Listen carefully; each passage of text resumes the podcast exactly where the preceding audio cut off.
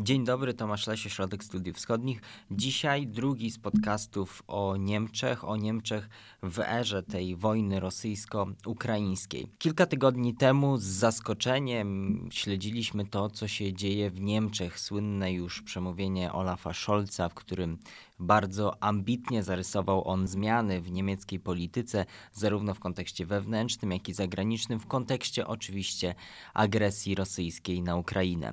Dzisiaj przyjrzymy się temu, jak to jest realizowane, co na ten temat sądzą różne partie polityczne i czy Niemcy przypadkiem nie łagodzą swojego początkowo ostrego stanowiska.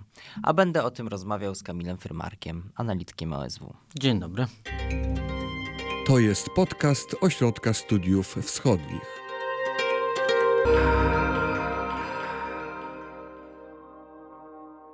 Tak, rzeczywiście to było bardzo e, zaskakujące przemówienie, bo wtedy wszyscy mieliśmy świadomość, to była niedziela w ogóle, jak on to wygłaszał, że to będzie e, taka próba mm, zademonstrowania, wyjścia do przodu z pewną polityczną inicjatywą, ale nikt nie przewidywał, że będzie to takie trzęsienie ziemi tak naprawdę w niemieckiej polityce, szczególnie bezpieczeństwa, obrony i polityki zagranicznej. Mm, to pokazywało, jak wielkim szokiem e, była wojna mm, na Ukrainie, czy agresja agresja rosyjska y, w, dla niemieckich y, elit, niemieckiego społeczeństwa. Później pewnie będzie okazja do powiedzieć, jak patrzą na to y, zwykli Niemcy. I mm, rzeczywiście Scholz tam przedstawił taką zupełnie inną wizję niż do tej pory tej polityki obronnej, odwołując się do konieczności wzmocnienia Bundeswehry, jej modernizacji, a także przewartościowania mm, takich stałych filarów dotychczasowej polityki, chociażby zakazu wysyłania broni w, w obszary, gdzie toczą się konflikty konflikty zbrojne. Niemcy wysłały od tamtego czasu e, broń na Ukrainę, robią to dalej, chociaż z problemami, i to też jest część krytyki tak naprawdę pod adresem Niemiec, zarówno zewnętrznej, już nie mówię nawet o Ukrainie, która e, domaga się e, bardzo szerokiego strumienia tej broni, ale także wewnątrz Niemiec jest taki, taka presja ze strony chociażby polityków opozycyjnych, aby ta broń docierała na Ukrainie sprawniej i żeby była to to broń, która mm, pozwala się y, Ukraińcom bronić. Ale tamto przemówienie rzeczywiście było takim formującym pewną postawę Niemiec y, wobec tego konfliktu, przynajmniej taką mieliśmy nadzieję. Klucz y, tego przemówienia jeszcze było takie, że Scholz zapowiedział taki specjalny fundusz 100 miliardowy na rzecz dozbrojenia czy modernizacji niemieckiego wojska.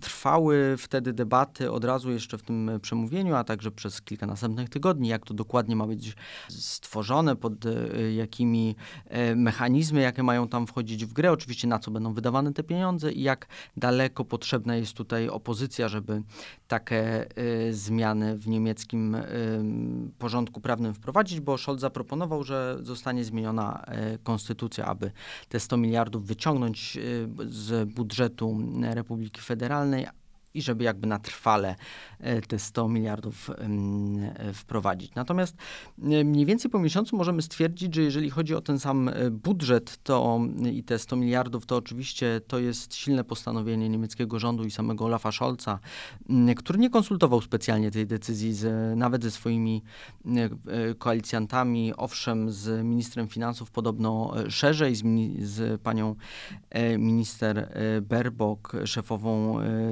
spraw zagranicznych e, trochę mniej, natomiast e, wszyscy są zgodni, że te pieniądze Bundeswehrze się e, przydadzą. Natomiast od tego czasu niedawno Scholz miał bardzo dobre drugie wystąpienie, bardzo ciekawe w Bundestagu przy okazji debaty nad nowelizacją ustawy budżetowej.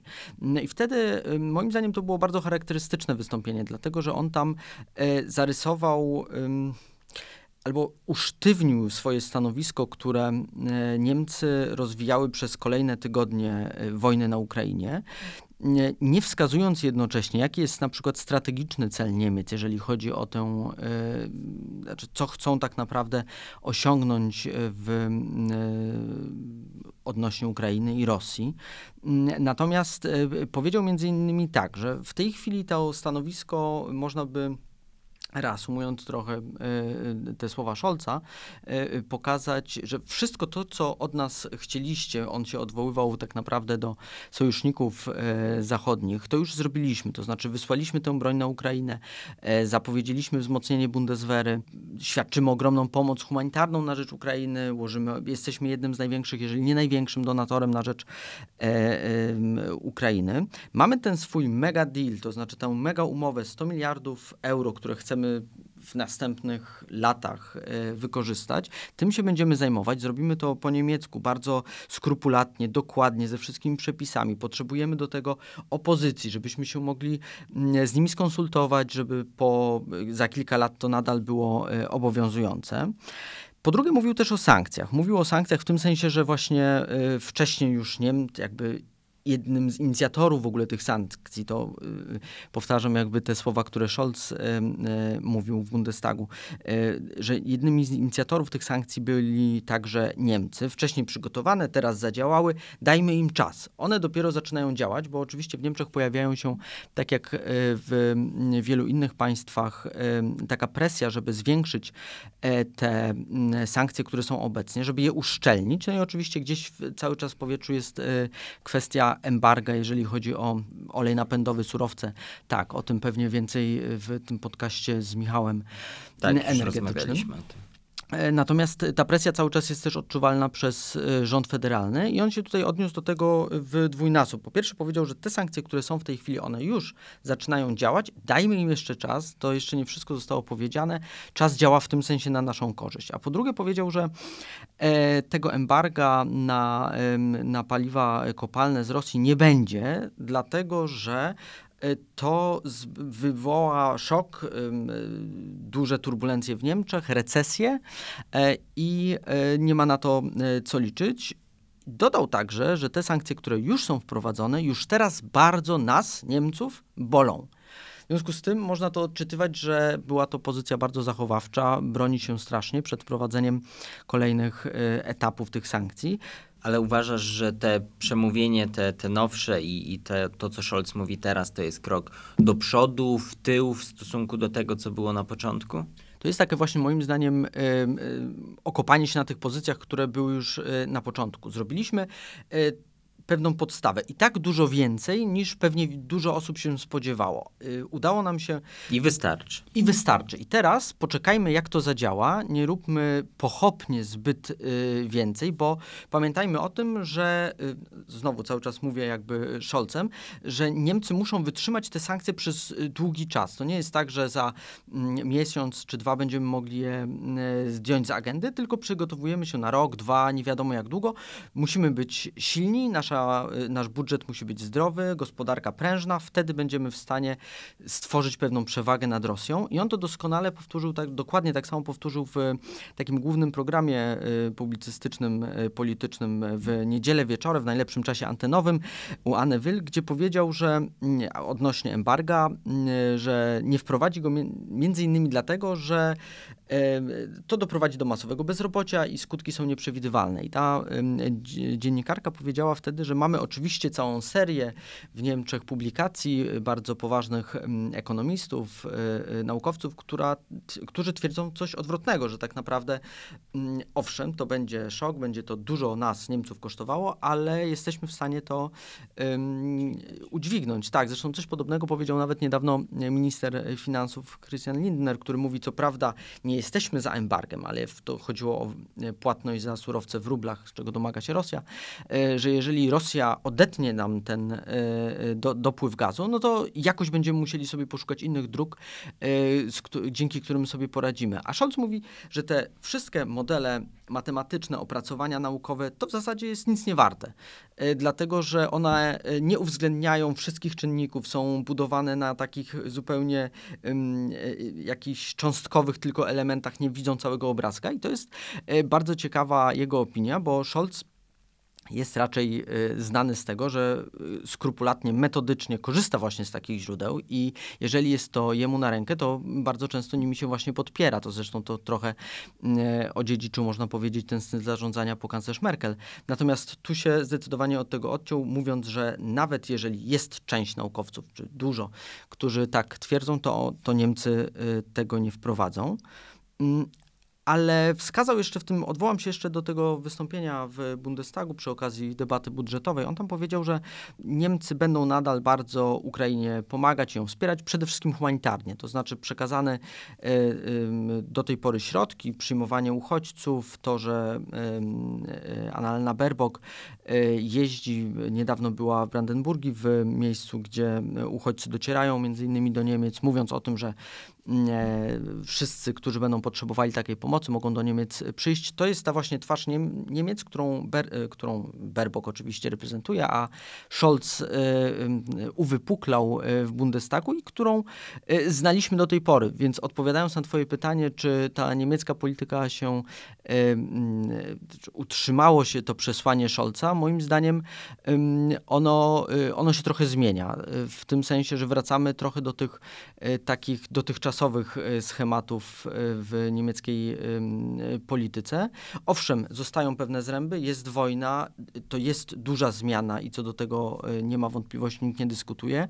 Także nie ma powrotu do jakiejś normalizacji stosunków z Rosją, czegoś takiego absolutnie nie. Ale jeżeli popatrzymy troszkę głębiej też w partiach politycznych, to zobaczymy, mm, że taka powierzchnia, po której ci niemieccy politycy się poruszają, no ona jest jest y, w wielu przypadkach dość płytka. No właśnie, może wejdźmy w to głębiej, bo też jak obserwujemy tutaj wiele razy rozmawiamy o niemieckiej polityce, a ostatnio w kontekście, w kontekście wyborów robiliśmy to bardzo często, to ja osobiście mam takie wrażenie, że w Niemczech może jak w żadnym innym kraju te, te stanowiska różnych partii się ze sobą zderzają i partie często przenikają się tymi pomysłami i dochodzą do różnych wspólnych wniosków, więc wydaje mi się, że w przypadku Niemiec, jak w przypadku mało którego państwa warto rozejrzeć się po tym krajobrazie politycznym i powiedzieć, co różne partie sądzą w tym konflikcie. To kto jest takim jastrzębiem? Kto chciałby jeszcze więcej, e, jeszcze ostrzej, o ile w ogóle jest takie środowisko polityczne? Jest takie środowisko, jeżeli można tak powiedzieć, e, jastrzębie, aczkolwiek to są e, e, dość pojedyncze głosy mimo wszystko. Zlokalizowałbym je w opozycji niemieckiej przede wszystkim, aczkolwiek... CDU? CDU, tam przede wszystkim bym ich szukał. E, częściowo też u Zielonych, a także e, nawet e, w przypadku SPD pojawiają się takie głosy, na przykład szef Komisji Spraw Zagranicznych w Bundestagu, Michael Roth, który wcześniej był wiceszefem MSZ, on także wskazuje dość takie e, pryncypialne stanowisko wobec Rosji, chociażby w kwestii wysyłania dostaw e, broni. Natomiast taka spójna, najbardziej spójna polityka to jednak wypływa z e, HDU, Hadeków, w tym szczególnie w CDU. Oni szczególnie dopominają się o dostawy broni, o sprawne, szybkie wsparcie dla armii ukraińskiej. Trochę inaczej wygląda to, jeżeli chodzi o nałożenie embarga na e, olej. Tutaj e, stanowisko Hadeków nie jest już takie jednoznaczne. Z jednej strony właśnie mamy te e, sygnały o czy postulaty, presję na rząd Scholza o wdrożenie takiego embarga i tutaj dobrym przykładem jest e, chociażby Norbert e, Rüttgen, który mm, w poprzedniej kadencji Bundestagu był szefem Komisji Spraw Zagranicznych. On podpisał taki apel, w ogóle apele, e, pewne różne memoranda, to jest w tej chwili bardzo istotny element niemieckiej polityki. Wiele takich rzeczy się podpisuje i Rüttgen był inicjatorem jednego z takiego pisma pod koniec marca właśnie o wdrożenie, o natychmiastowe zerwanie tych stosunków gazowych. To zostało podpisane pismo między innymi przez e, byłego szefa fundacji Handisia Byla, Ralfa Fuchsa, czy część e, różnych ekspertów z, z tych działek bez, bezpieczeństwa czy spraw zagranicznych. Którzy, jak rozumiem, często byli architektami pewnego albo współarchitektami uzależnienia gazowego od Rosji. Jeżeli tak popatrzymy politycznie, to tak, aczkolwiek te osoby jednak miały dość realistyczną wizję Rosji, to znaczy zdawały sobie sprawę, że y, bardziej patrzyły po naszemu, można powiedzieć, w takim sensie, że ufaj, ale sprawdzaj. Trzeba zawsze mieć przygotowane różne e, opcje na wypadek, właśnie jeżeli te stosunki z Rosją nie będą się układały stabilnie, a rosyjski, rosyjskie dążenia y, y, takie militarne będą bardzo agresywne. Te, te osoby akurat raczej były mm, zwolennikami ostrzejszego kursu wobec Rosji wcześniej. Natomiast e, jeżeli weźmiemy pod uwagę stanowisko Friedricha Merca, czyli przewodniczącego Hadecji, no to on dość lawiruje i zmienia to swoje stanowisko. Z jednej strony tuż jeszcze przed agresją rosyjską mówił, że nałożenie sankcji w postaci SWIFT-u, czyli tego sposobu płatności też za rosyjską ropę, gaz, nie można tego wyłączyć, nie można Rosji wyłączyć z tego systemu e, finansowego, bo oznacza to opcję atomową, w zasadzie koniec e, gospodarki rosyjskiej, potem niemieckiej i tak dalej. Później wręcz dopominał się w pierwszych dniach wojny o to, żeby rząd niemiecki szybciej to wprowadził. Podobnie było z perspektywą jakiegoś zaangażowania niemiecki, nie niemieckich, a natowskich żołnierzy na e, Ukrainie. W, kilka tygodni temu, jak był ostrzał elektrowni w Czarnobylu, wtedy on mówił, że skutki takiej mm, rosyjskiej agresji mogą także dotyczyć państw NATO i należy wtedy zastanowić się mm, tak ofensywnie o tym, jak NATO powinno zareagować. Później on to rewidował pod wpływem krytyki wewnętrznej, więc jego pozycja nie jest stabilna. To, co zwraca szczególną uwagę, to próba wykorzystania tego, tej wojny na Ukrainie do polityki wewnętrznej e, przez Hadeków, także przez e, Merca. Mm, I to było widać e, po tej debacie budżetowej, o której wspomniałem na początku, bo Scholz e, wskazał wtedy, że do przegłosowania poprawek konstytucji potrzebna będzie opozycja, w tym główna partia, czyli Hadecja, jej głosy, a Merz skontrował, że owszem, my jako opozycja będziemy chcieli się tutaj przyłożyć i jesteśmy za tym, aby zmodernizować Bundeswehrę, ale dołożymy się tylko dołożymy tylko tyle głosów, ile będzie potrzebne, jeżeli wszystkie osoby po stronie koalicji, czyli SPD, Zielonych i FDP zagłosują za. Dlatego, że Scholz ma z tym problem. To jest właśnie trochę y, też odpowiedź na pytanie, jakie jest stanowisko partii koalicyjnych, jeżeli chodzi o konflikt i o, o wojnę. I poparcie dla tego głównego y, programu Scholza, głównej inicjatywy w tej wojnie, czyli modernizacji Bundeswehry i tych 100 miliardów euro na ten cel. To jest postulat y, cały czas kontrowersyjny, jeżeli chodzi przede wszystkim o dwie partie, to znaczy o SPD właśnie i o Zielonych.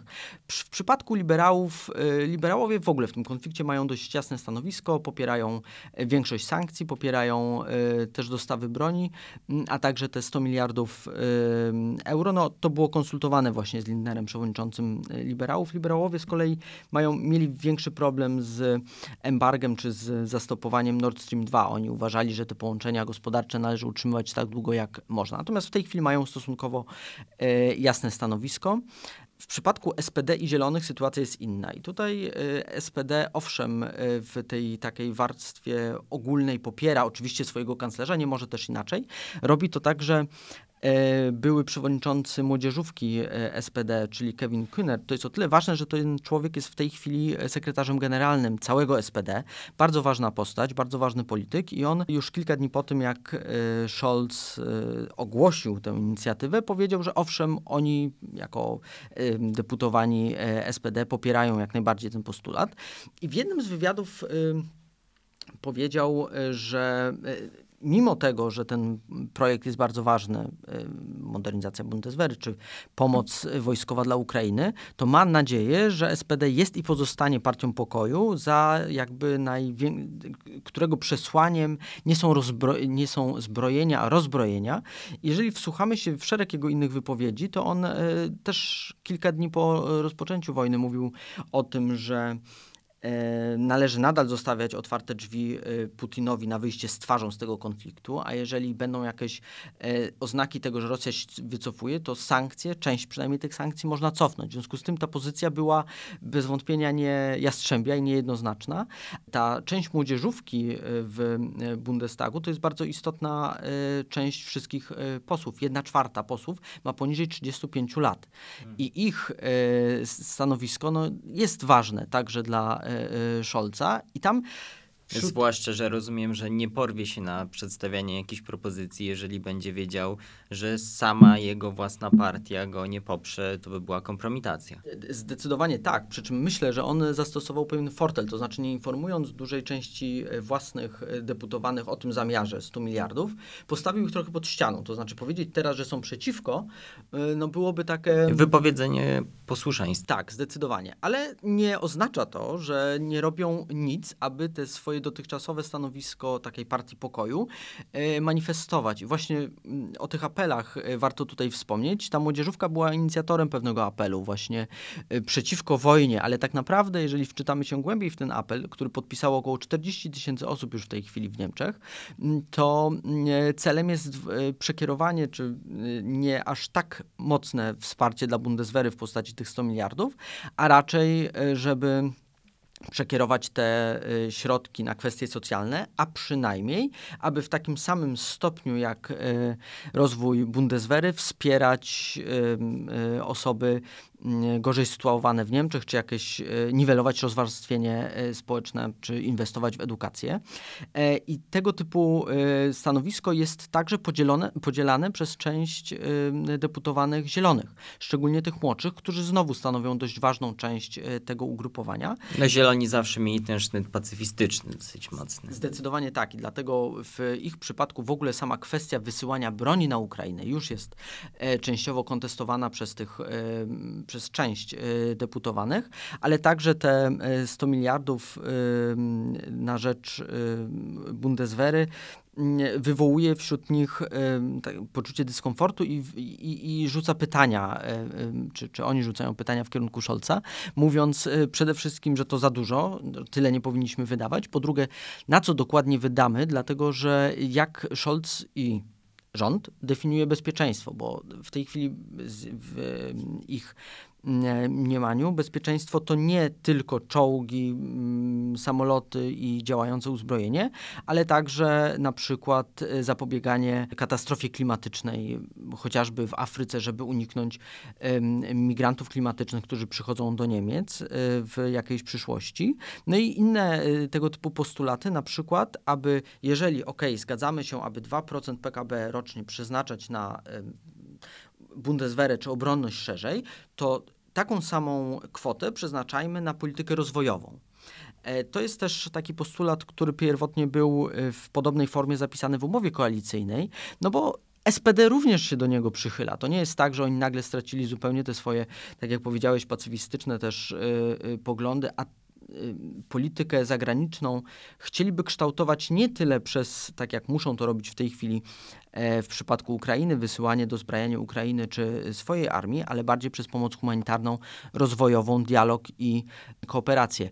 Tutaj nasuwa mi się jeszcze jeden dobry przykład y, takiej debaty wewnątrz SPD, która trwa cały czas. Jest taka komisja historyków SPD. Ona się zajmuje y, między innymi badaniem przeszłości SPD, chociażby Ostpolitik, jak ona jest y, postrzegana w tej chwili. I w połowie marca 30 przedstawicieli tych, tej komisji, 30 przedstawicieli miało podpisać taki właśnie apel potępiający oczywiście działania Rosji, wyrażający poparcie dla Ukrainy, ale jeżeli Y, po raz kolejny trochę zajrzymy głębiej do tego tekstu, to, to poparcie jest takie y, umiarkowane. To znaczy pomoc humanitarna tak, szczególnie dla uchodźców y, ukraińskich, ale nie ma tam już słowy, słowa o wysyłaniu broni czy kwestii właśnie tych 100 miliardów e, na mm, rzecz modernizacji e, Bundeswehry. I wtedy trzy osoby z tej komisji e, zgłosiły zdania odrębne i stworzyło osobny swój papier, w którym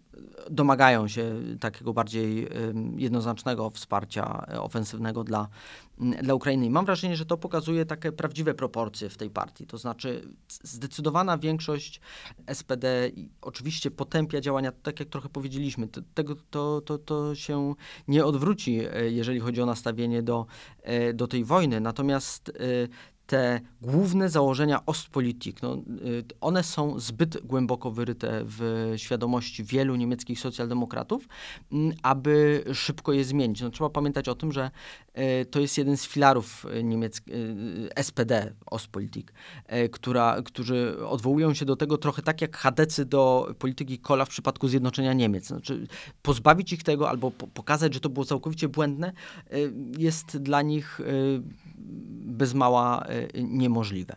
Czyli Scholz ma tak naprawdę bardzo trudną pozycję wewnętrzną, bo e, nie dość, że ma koalicjantów, których poglądy są zróżnicowane, to jeszcze wewnątrz własnej partii ma różne środowiska, które mogą mieć różne poglądy na ten temat. E, tak, to prawda. Wyrazem też takiej e, dyskusji e, bardzo ciekawej, jeżeli chodzi o wewnętrzne stosunki w SPD, jest pytanie, co zrobić z byłym kanclerzem Schröderem. To znaczy, jak traktować jego dalsze korzystanie z przywilejów bycia przyjacielem Putina.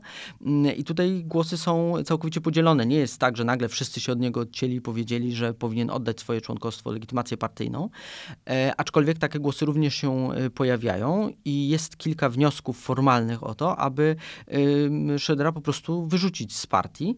Mm, i mamy jednocześnie część obrońców, szczególnie w tych, wśród najważniejszych niemieckich polityków, z, mm, wśród przedstawicieli na przykład premierów landów, którzy mówią, że owszem, to co robi w tej chwili Schroeder jest bardzo brzydkie, nieeleganckie, nieładne, powinien się inaczej zachować, a tych pieniędzy nie powinien od Putina brać, natomiast jego zasługi jako kanclerza Niemiec są tak duże, że nie, wy, nie, nie, nie powinniśmy jednocześnie przekreślać jego dotychczasowego dorobku, więc nie mówmy o żadnym e, jego e, wyrzuceniu. Tutaj cały czas e, jeszcze ta świadomość nie została, myślę, czy to się tak bardzo nie, nie, nie, nie w tej świadomości nie odbiło, żeby wyrzucać Schroedera.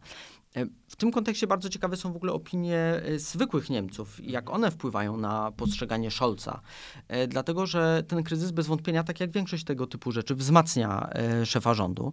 E, on przed kryzysem miał, czy z jego pracy zadowolonych było około 23% Niemców w jednych badaniach. Natomiast po tym przemówieniu z 27 lutego wzrosło to poparcie dla działań rządu do 38%. Zresztą większość Niemców trochę powyżej e, połowy, popiera działania Scholza, rządu e, w kryzysie.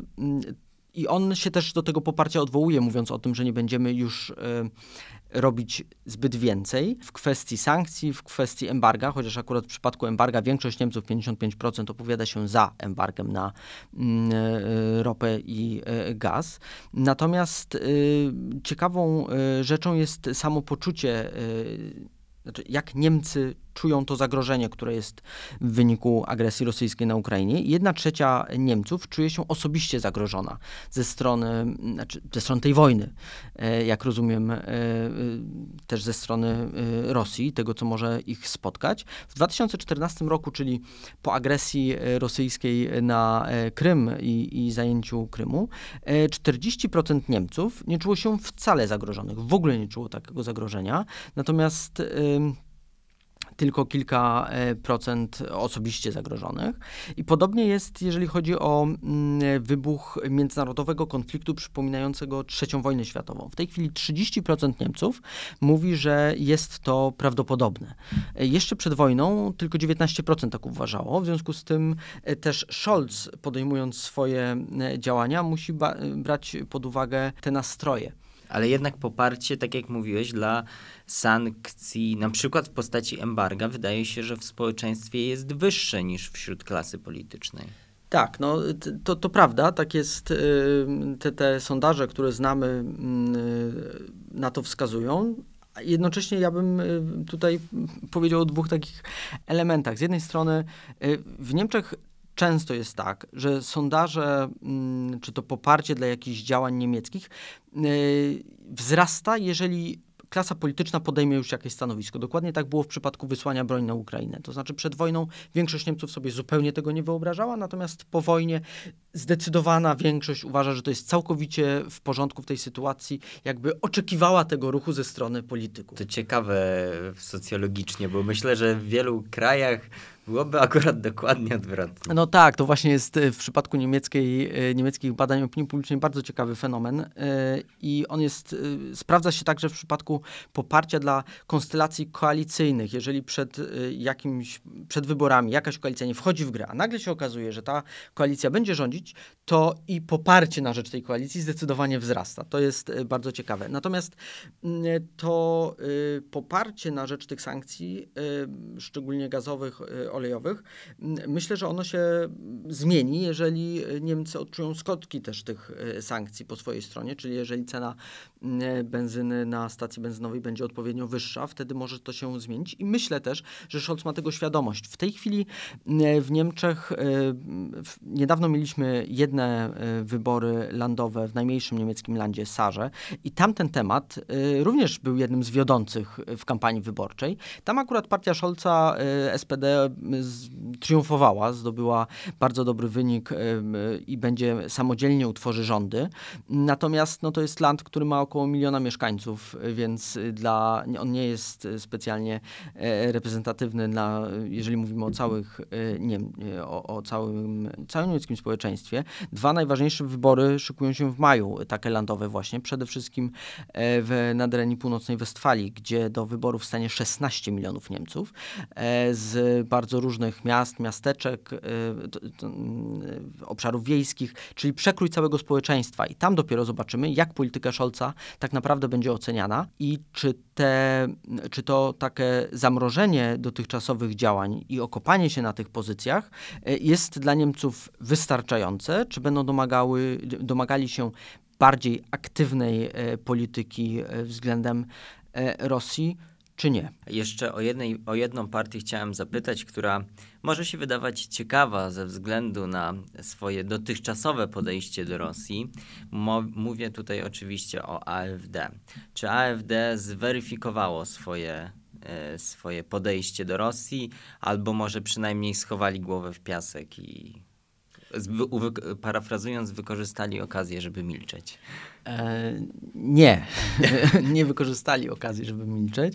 Moim zdaniem to jest jak w przypadku y, większości z niemieckich partii. To znaczy, jeżeli spojrzymy w oficjalnych wypowiedziach, na przykład w Bundestagu, bo to jednak e, coś o tej oficjalnej stronie y, niemieckiej polityki mówi, to początek tych wypowiedzi najczęściej jest y, podobny i utrzymany w pewnej konwencji potępiającej Rosję za agresywne działania na Ukrainę. Takie sakramentalne. Tak, Putin złamał prawo międzynarodowe, tej wojny niczym nie można usprawiedliwić. E, jesteśmy za jak najszybszym e, zatrzymaniem strzelania, e, żeby doszło do zawieszenia broni. I potem następuje ale.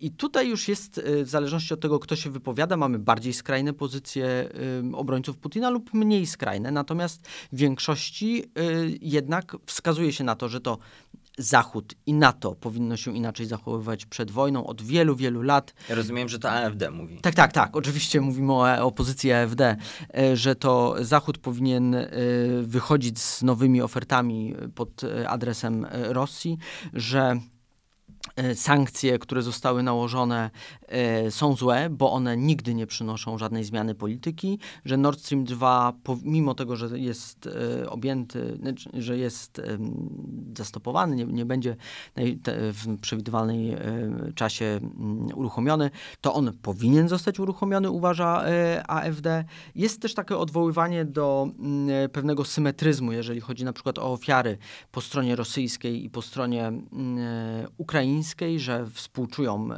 e, obu stronom w tym, e, w tym przypadku. No i oczywiście są kategorycznie przeciwko wysyłaniu broni na Ukrainę. Moim zdaniem najciekawsza jest pozycja AfD, jeżeli chodzi o przyjmowanie Ukraińców jako uchodźców, dlatego że AfD oczywiście jest partią, która wzbrania się przed okazywaniem pomocy uchodźcom. Do tej pory przynajmniej tak z tej strony ją znaliśmy.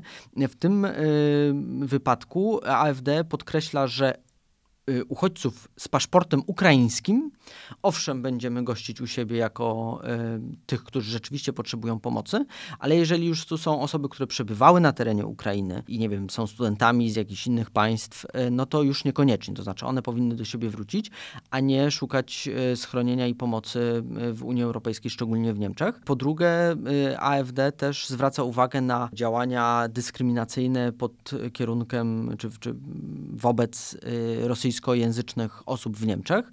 Em, I to, to jest w ogóle bardzo ciekawy temat w Niemczech, pewnie na inną y, dyskusję, natomiast y, AfD staje się, y, chciałaby bardzo być obrońcą tych osób, to już ma historyczne mm, uzasadnienia w tej partii, właśnie ta bliskość z Rosją e, i e, chęć e, otoczenia e, taką opieką tych osób, pomimo tego, że Owszem, zdarzają się pewne incydenty, jeżeli chodzi o e, e, całe Niemcy w jakiejś e, dyskryminacji e, takich osób, natomiast nie ma jakiejś otwartej agresji e, i wrogości, ale AfD tutaj e, zachowuje pełną czujność, starając się wykorzystać ten temat bez wątpienia politycznie.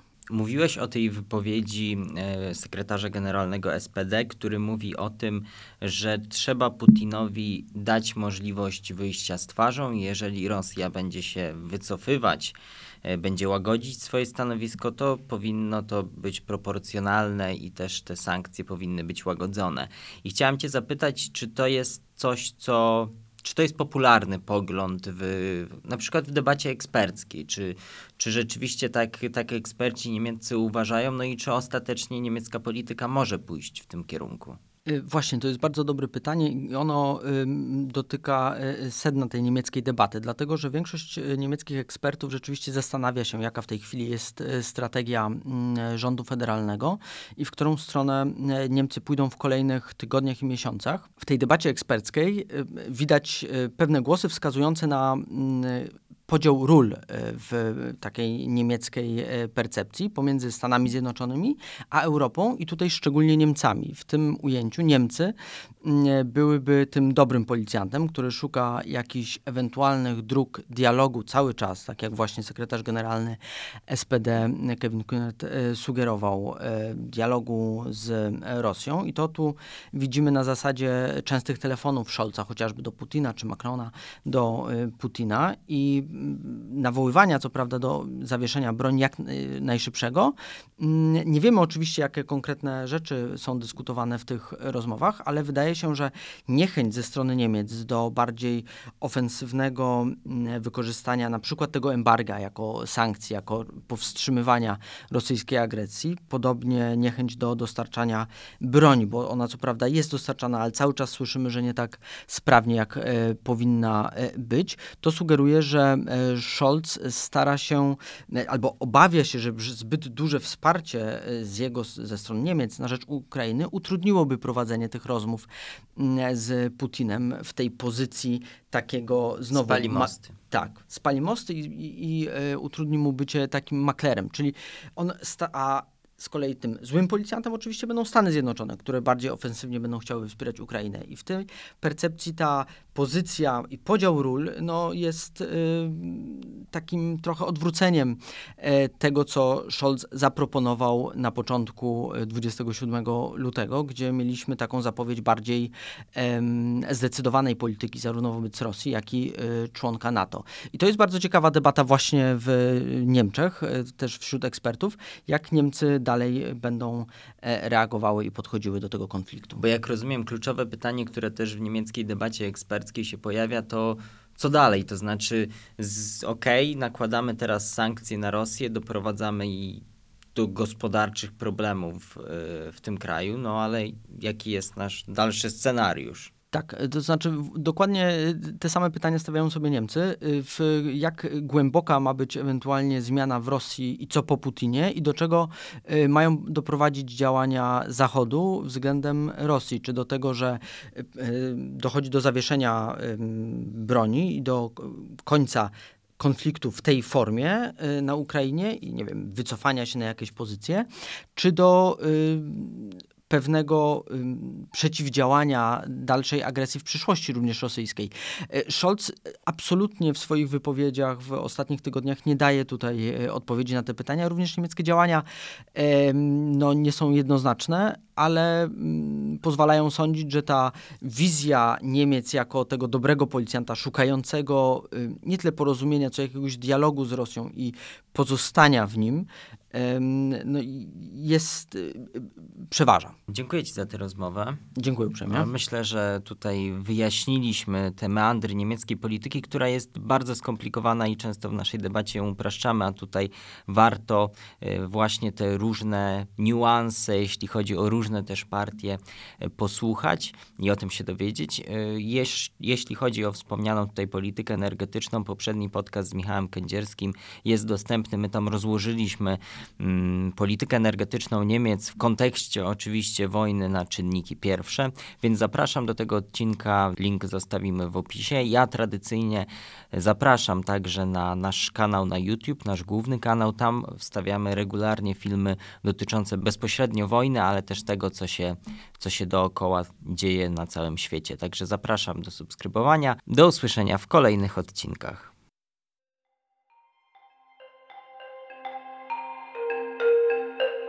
Wysłuchali Państwo podcastu Ośrodka Studiów Wschodnich. Więcej nagrań można znaleźć na stronie www.osw.waw.pl.